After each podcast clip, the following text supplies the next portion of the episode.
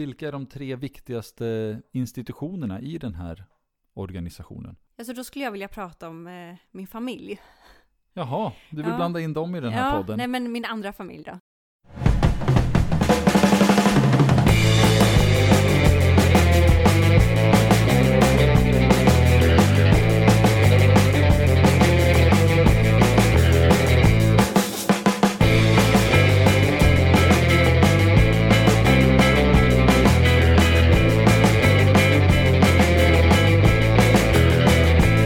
Välkomna till ett eh, Euforipodden specialavsnitt. Vi hade tänkt att vi skulle hålla några sådana här eh, avsnitt där vi kanske gräver djupare i lite frågor och eh, just det här avsnittet tänkte vi oss en EU for Dummies. Så i vanlig ordning, med mig har jag Eh, Björn Bergström här. Helena Landelius. Caroline Klammer. och eh, vem var federalisten? Det är jag det. Och jag också. Ja, okej. ja, det ser vi blir fler och fler. Men ingen slåss om att vara skeptisk. Nej, det är, jag är obesegrad. Och själv heter jag Marco Romaloj och eh, jag får väl ställa mig till skalan av EU-nördar, men jag vet inte om jag är federalist. Nåväl, dagens ämne då, EU. Ska vi börja med den enkla frågan, vad är E EU? Jag var i Oj. hela friden är det. Ja, Förutom Björns kärlek. okej. Ja. Finns det någon annan organisation som vi kan jämföra med? Nej, det gör ju inte det. Alltså det här är ju, EU är ju väldigt unikt om man nu ska ge det här, eh, trå, inte tråkiga, men mer så här korrekta svaret, så är det ju så att det är varken mellanstatlig organisation eller en överstatlig. Mellanstatlig kan man jämföra med FN till exempel, där man då har massa medlemmar som kommer överens om någonting och alla är med på det, så gör man det. EU kan ju bestämma saker även om alla inte är med på det, men ibland så måste alla vara med på det och sådär, så det är lite olika. Mm. Jag, jag själv när jag, när jag pluggade så minns jag att eh, våran föreläsare citerade Jacques Delors som hade sagt att EU i framtiden ska bli ett UPO, om det inte redan var ett UPO. Mhm. Alltså ett Unidentified Political Object. Vad kallar du för något? En gång till. Unidentified Political Object. Det, det tycker jag var jättekul. Ja. Jätteträffande. Så okej, så vi har en konstig organisation som inte har någon form av liknande part eller ja, motsvarighet. Men varför behöver vi EU? Vad, vad är syftet med EU? Varför behöver vi EU? Det faller sig ju väldigt naturligt. Kanske inte exakt hur EU ska vara utformat och att det har tagit den formen som det har idag, men att, att vi behöver i en global värld någon typ av sammanhållande länk för de här ganska små staterna som ändå finns på vår kontinent. Och om man då ändå ska blanda in amerikanarna i det här så är det ju klassiska Kissinger-citatet, vem, vem sjutton ska jag ringa när jag vill ringa till, I, till Europa? Och det har han ju fått svar på. Just det. Och Först och främst är det ett fredsprojekt. Det var ju därför det skapades en gång i tiden när kontinenten hade rivits upp från alla håll av eh, världskrig. Och eh, ja, det har vi lite grann glömt bort. Och sen så har det blivit mer en ekonomisk sak, för det är det som folk går igång på, vad man får för pengarna. Men det är ju också rent praktiskt, alltså vad det gör för oss som bor här. Vi kan resa, plugga, bo i andra länder. Det går att gifta sig i ett annat land, ha barn i ett annat land och flytta och ta med sig sina pensioner. Och du vet, det går liksom att leva på hela vår kontinent tack vare EU. Mm. Och, och den ambitionen eller den rörelsen skulle nog finnas även utan EU, att folk vill åka till andra länder som var angränsande och att man skulle, att företag vill sälja och importera från, från andra länder på kontinenten. Och då hade ju, och det EU gör är ju någonstans att förenkla det. Och det är det jag menar med att hur vi än slutar den här debatten så skulle ett EU på ett eller annat sätt dyka upp för att folk skulle göra de här rörelserna, företagen skulle ha den här handeln och då skulle de efterfråga att vi måste ju ha något sätt att förenkla reglerna. Typ ta bort roamingen när man åker på semester under sommaren. Alltså ändå en av, ett av mina favorit-EU-beslut. Verkligen. Så oavsett vad som skulle ha dykt upp, så i det här fallet så eh, har vi det EU vi har. Och eh, då är ju frågan, vilka är de tre viktigaste institutionerna i den här organisationen? Alltså då skulle jag vilja prata om eh, min familj. Jaha, du vill Ja. blanda in dem i den här ja, podden? Nej men min andra familj då. Din andra familj? Ja. ja. Nej, men de tre viktigaste institutionerna är ju kommissionen, rådet och Europaparlamentet och de kommer vi fördjupa oss i idag. Och jag vill ju likna dem vid en familj, för det, det är så jag har kommit att förstå dem någonstans. Där kommissionen och rådet är föräldrarna i familjen. Kommissionen är den som ser till allas bästa, ska ta det övergripande ansvaret och råda ihop och ha övergripande koll över vad alla håller på med och att det, att det hela ska liksom, hålla samman på något sätt och komma med idéer för hur man går vidare och så. Eh, rådet är den andra föräldern som är lite mer eh, strikt, eh, gärna den som ser sig själv som den som bestämmer, alltså där medlemsstaterna sitter. Det är också där faktiskt pengarna finns från början. Vi, eh, det är därifrån budgeten kommer och medlemsstaterna som betalar in, så de håller ju ofta lite hårt i pengarna och det är lite strängare familjen som ibland tycker att de andra är på väg ut för långt åt kanterna och håller tillbaka. Och så har vi ju då det fina Europaparlamentet, som jag vill benämna som familjens tonåring, som någonstans har börjat växa upp i och med Lissabonfördraget som kom till 2009, som är det fördrag som EU arbetar efter idag så fick eh, Europaparlamentet mycket mer att säga till om, framförallt i lagstiftningsprocesser. Och det blir liknande som att Europaparlamentet liksom börjar växa upp, får ett större ansvar, men har fortfarande liksom inte riktigt insett, eller kan inte riktigt hantera det där ansvaret, så blir det lite klumpig ibland. Det är som en tonåring där armar och ben växer lite för fort och man slår till saker och eh, är lite fumlig och ibland testar gränserna och blir väldigt idealistisk i vissa frågor och verkligen vill trycka på för någonting och där rådet då som den här eh, ja, ansvarstagande föräldern på något sätt säger nej, nej, nej, stopp och belägg, så där långt kan vi inte gå. Men samtidigt så kan den här idealistiska tonåringen vara med och pusha sina föräldrar lite längre, men lite mer idealistiska kan vi nog vara, lite bättre kan vi ändå. Så det är, det är min take på liksom dynamiken mellan de här tre institutionerna. Och vad intressant. Ehm, då tänkte jag så här att jag skulle låta ljudteknikerns magi eh, svepa över rummet.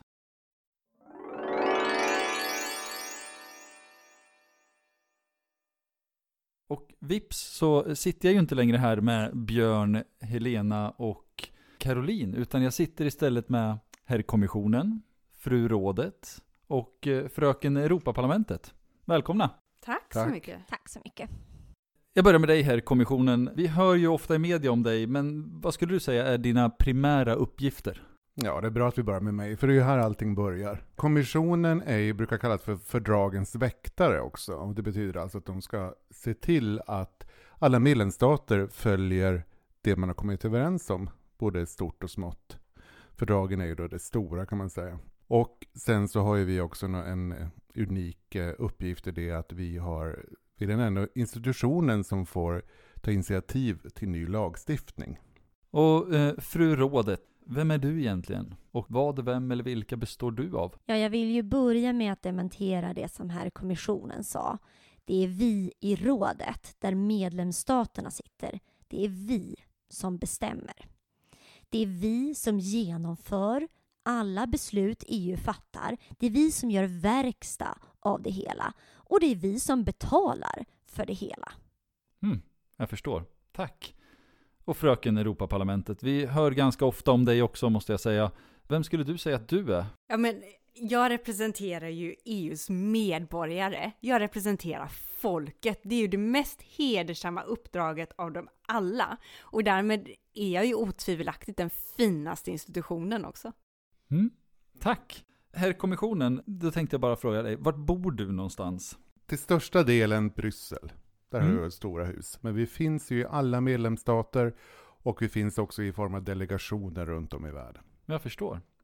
Och eh, fru rådet, vart eh, bor du någonstans? Eller var bor du någonstans? Vi i rådet, i medlemsstaterna, vi är nära oss själva. Vi sitter i huvudstäderna i respektive medlemsstat. Det är klart att vi reser ibland till Bryssel för att träffas och sådär. Men man kan ju också ha videomöten. Vi hör hemma i medlemsstaterna. Eh, och fröken Europaparlamentet, vart bor du någonstans? Ja, alltså jag bor i Strasbourg, Bryssel och Luxemburg. Eh, ehm. Okej, okay. eh, vänta, vänta. Du bor i, på tre ställen? Ja, alltså egentligen är det ju så att min fasta adress, alltså min folkbokföringsadress om man ska säga så, det är faktiskt Strasbourg. Men jag trivs lite bättre i Bryssel. Eh, för att det är ju där mina andra kompisar eller föräldrar, rådet och kommissionen brukar hänga, så att det är lite lättare för mig att vara där.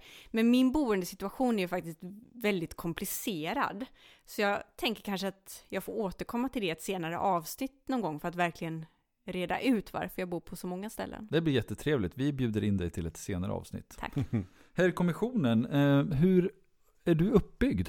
Ja, vi är ju då 32 000 tjänstemän ungefär, tror jag när jag räknade senast. Och, men som styrs av ett kollegie som består av en eh, kommissionär från varje medlemsstat. Så det är 27 stycken nu då. Eh, vi var 28 för ett tag sedan, som ni kanske har hört talas om. Och eh, det är de här 27 stycken då som leder hela kommissionens arbete. Det är väldigt många tjänstemän och väldigt få kommissionärer. Mm. Har man något val till, till de här kommissionärerna? Nej, det har man ju inte. Utan det här är ju de, kommissionärerna nomineras av varje medlemsstat. Sen är det ju så att det här, som också sitter i det här rummet, tonåringen eller vad du kallar det, får ju tycka till om de här personerna innan de tillträder. Man byter ut kommissionen var femte år efter Europaparlamentsvalet. Och då får man tycka till om de här, de förhörs i olika utskott. Och eh, då kan ju faktiskt Europaparlamentet säga att nej, det här var ingen bra kommission, så då blir det ingen kommission, då får man tänka om igen. Men om herrkommissionen, om, om fru rådet nu skickar sina, en från varje medlemsland sa ni, då undrar jag, representerar de sitt land? Nej, nej, det får de absolut inte göra. Det får inte förekomma någon, någon preferens för de nationella intressena, utan eh, representerar hela unionens intressen. Ja, och har ni någon chef över de här? Ja, eh, vi har en chef som just nu då heter Ursula von der Leyen från Tyskland. Och det är hon som har satt ihop den här kommissionen utifrån de förslag som hon har fått från olika medlemsstater och sen har godkänts efter vissa kompromisser med Europaparlamentet. Och vem valde Sverige att skicka? En eh, före detta arbetsmarknadsminister från Socialdemokraterna som heter Ylva Johansson. Ja, tack. Mm.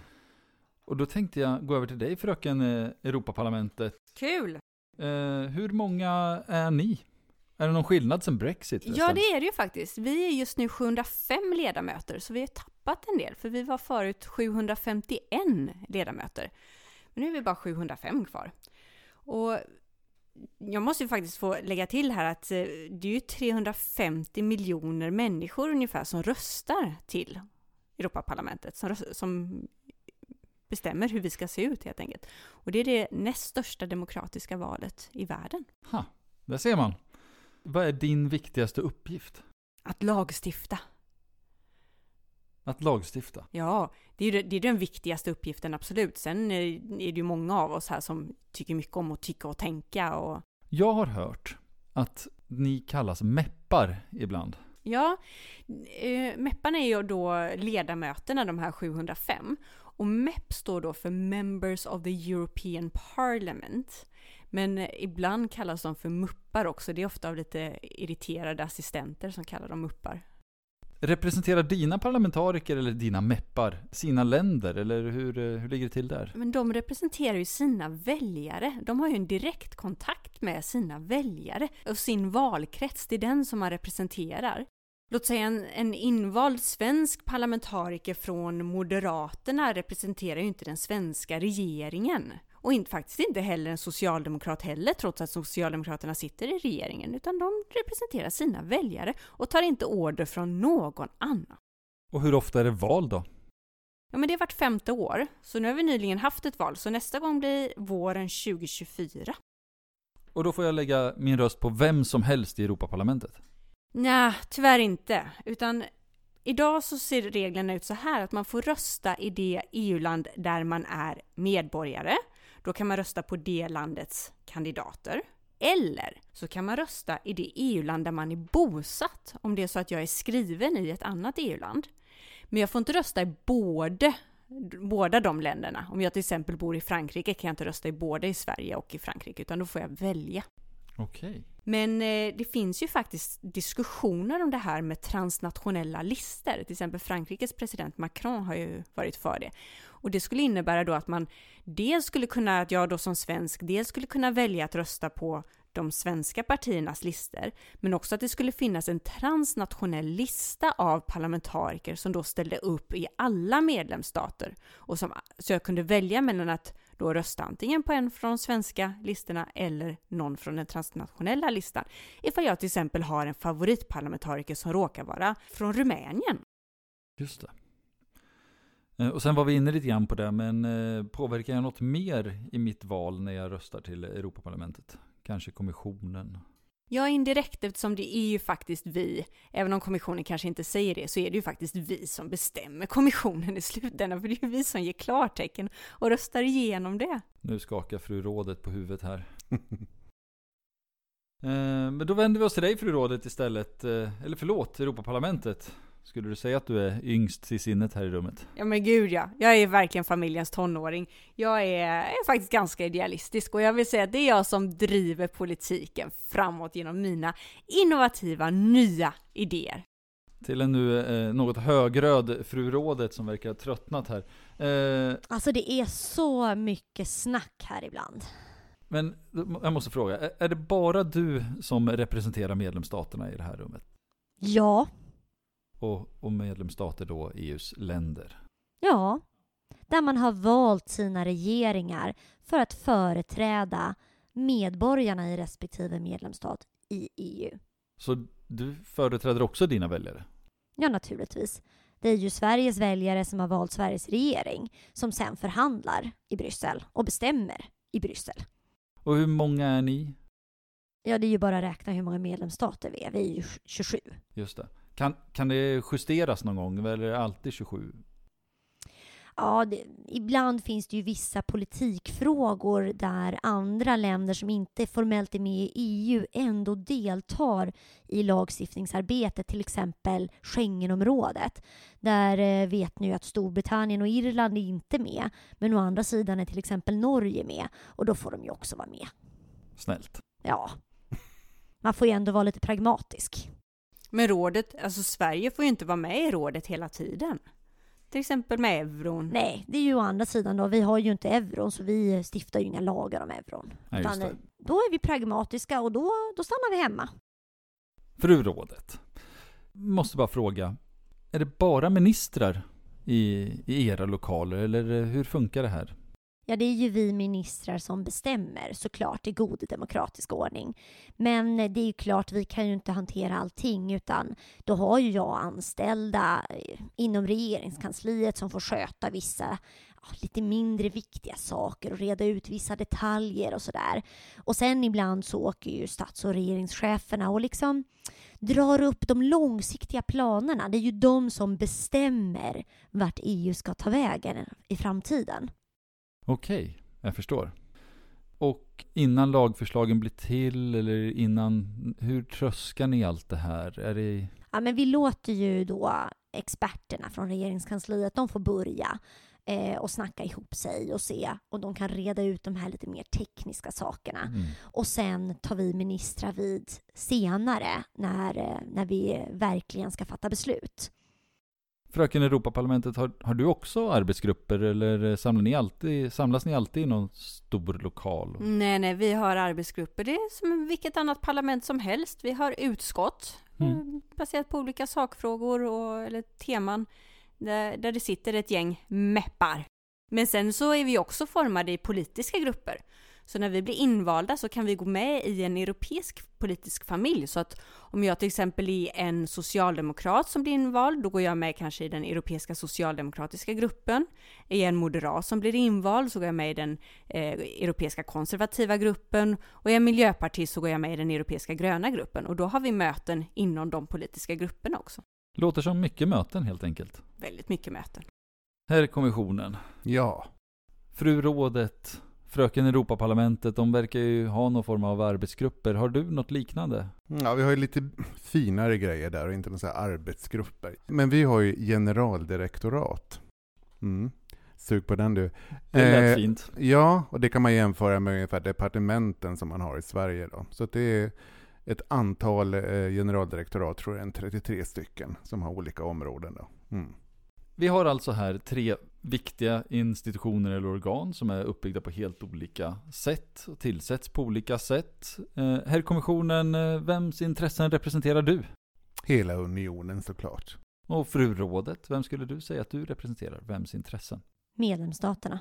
Och fröken Europaparlamentet. Ja, men folkets intresse såklart. Okej, så med tre institutioner i rummet, låt oss nu säga att en lag ska bli till. Vem börjar? Ja, det är ju vi som börjar då. Och så kommer vi med ett förslag som de andra då här i rummet får ta ställning till. Okej, så här är kommissionen, ni har alltså initiativrätten. Så när ni har eh, tagit fram ett lagförslag, vem skickar ni det till först? Ja, när vi tar fram ett förslag så är det ju det väl genomarbetat, men det är klart, det finns ju alltid olika synpunkter på det där, så vi lämnar över det till rådet och Europaparlamentet så får de komma överens om det där. Och, Och de får det åter- samtidigt. Ja, Om ni får det då samtidigt, fröken Europaparlamentet och fru rådet. Ska vi börja med dig, fru rådet. Vad gör ni då när ni får det här eh, förslaget i knät? Ja, det första vi får göra är ju att vi skickar ner experterna som får titta på det här, som verkligen kan sakfrågorna, som har jobbat med det här länge, vet hur det funkar i verkligheten. Och med skicka ner, eh, då menar du? Ja, till Bryssel då. då. Då skickar vi alla våra experter och så får de titta på kommissionens förslag. Alltså de i kommissionen, ja men de jobbar ju bra och de gör sitt bästa. Men de har ju aldrig genomfört någonting i verkligheten. Utan då får, då får våra experter titta på det här, kolla, ja men det här, de här ekonomiska beräkningarna är oftast lite, ja det kostar ju oftast lite mer i verkligheten. Så det måste man ju dra ner på. Eh, de, mycket administration de försöker lägga på från kommissionen. Ja, vi måste ju ändå få det här att funka i verkligheten. Så vi, vi tar fram ett, ett lite bättre förslag då helt enkelt. Och när ni då samtidigt får det här förslaget, fröken Europaparlamentet. Eh, ja, men då börjar vi ju titta på vad det är det handlar om och så ger vi det till rätt utskott. Okej. Ja, och eh, i det utskottet så får ju då eh, de komma överens om vilken parlamentariker, alltså vilken MEP som vi varit inne på, som ska bli rapportör och det är ett väldigt hedersamt uppdrag. Och eh, då bildar man en grupp runt den här rapportören, så låt säga att det blir en liberal rapportör. Då utser de andra politiska grupperna, liksom någon som kan, fler som kan följa. Så man skapar en grupp som ska representera det politiska spektrat i parlamentet, som då får lägga massa ändringsförslag och bearbeta och komma med, komma med roliga idéer för hur man kan göra det bättre. Och kommissionen ibland, de vågar inte gå hela vägen, utan vi kanske har lite nya, lite mer spännande idéer om hur det här skulle kunna göras eh, och sådär. Så eh, lägger vi massa olika förslag som vi bearbetar ihop eh, och, och tar en position. Och sen när ni har eh, fått fram något förslag som ni är nöjda om, hur gör ni då? Då Ja, då röstar vi om det så att det går igenom så att det är Europaparlamentets formella position.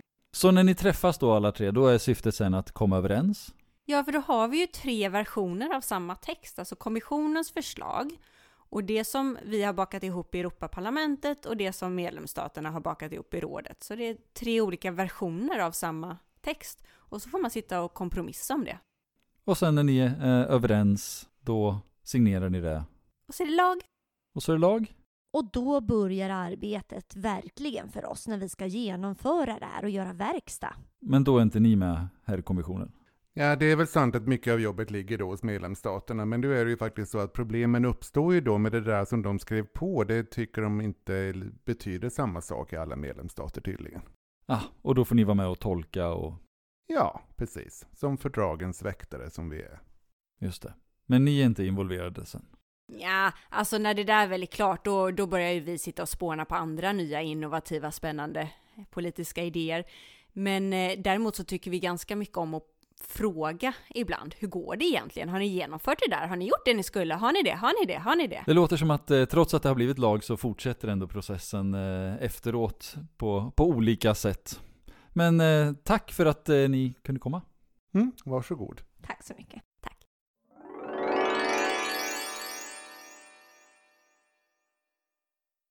Så, då har ni hört lite grann i alla fall och fått höra de olika institutionerna och rollerna och kanske förhoppningsvis förstått lite av eh, EU och hur EU fungerar. Eh, Nu har jag ju Björn, Helena och Caroline tillbaka i rummet. Vi eh, har ju tänkt oss framöver kanske att också djupdyka lite grann i lagstiftningsprocessen och också prata lite grann om hur rådet ser ut. Ja, det går ju att dissekera eh, alla de här frågorna vi har varit inne på nu i många, många fler detaljer om man så vill. Så Mm. frågan är bara hur djupt vi vill dyka. Precis. Välkomna med förslag och önskemål, kära lyssnare. Just det. Och det gör ni till våran Instagram. Euforipodden. Perfekt. Tack för idag! Tack så mycket! Tack. Tack! Hej då.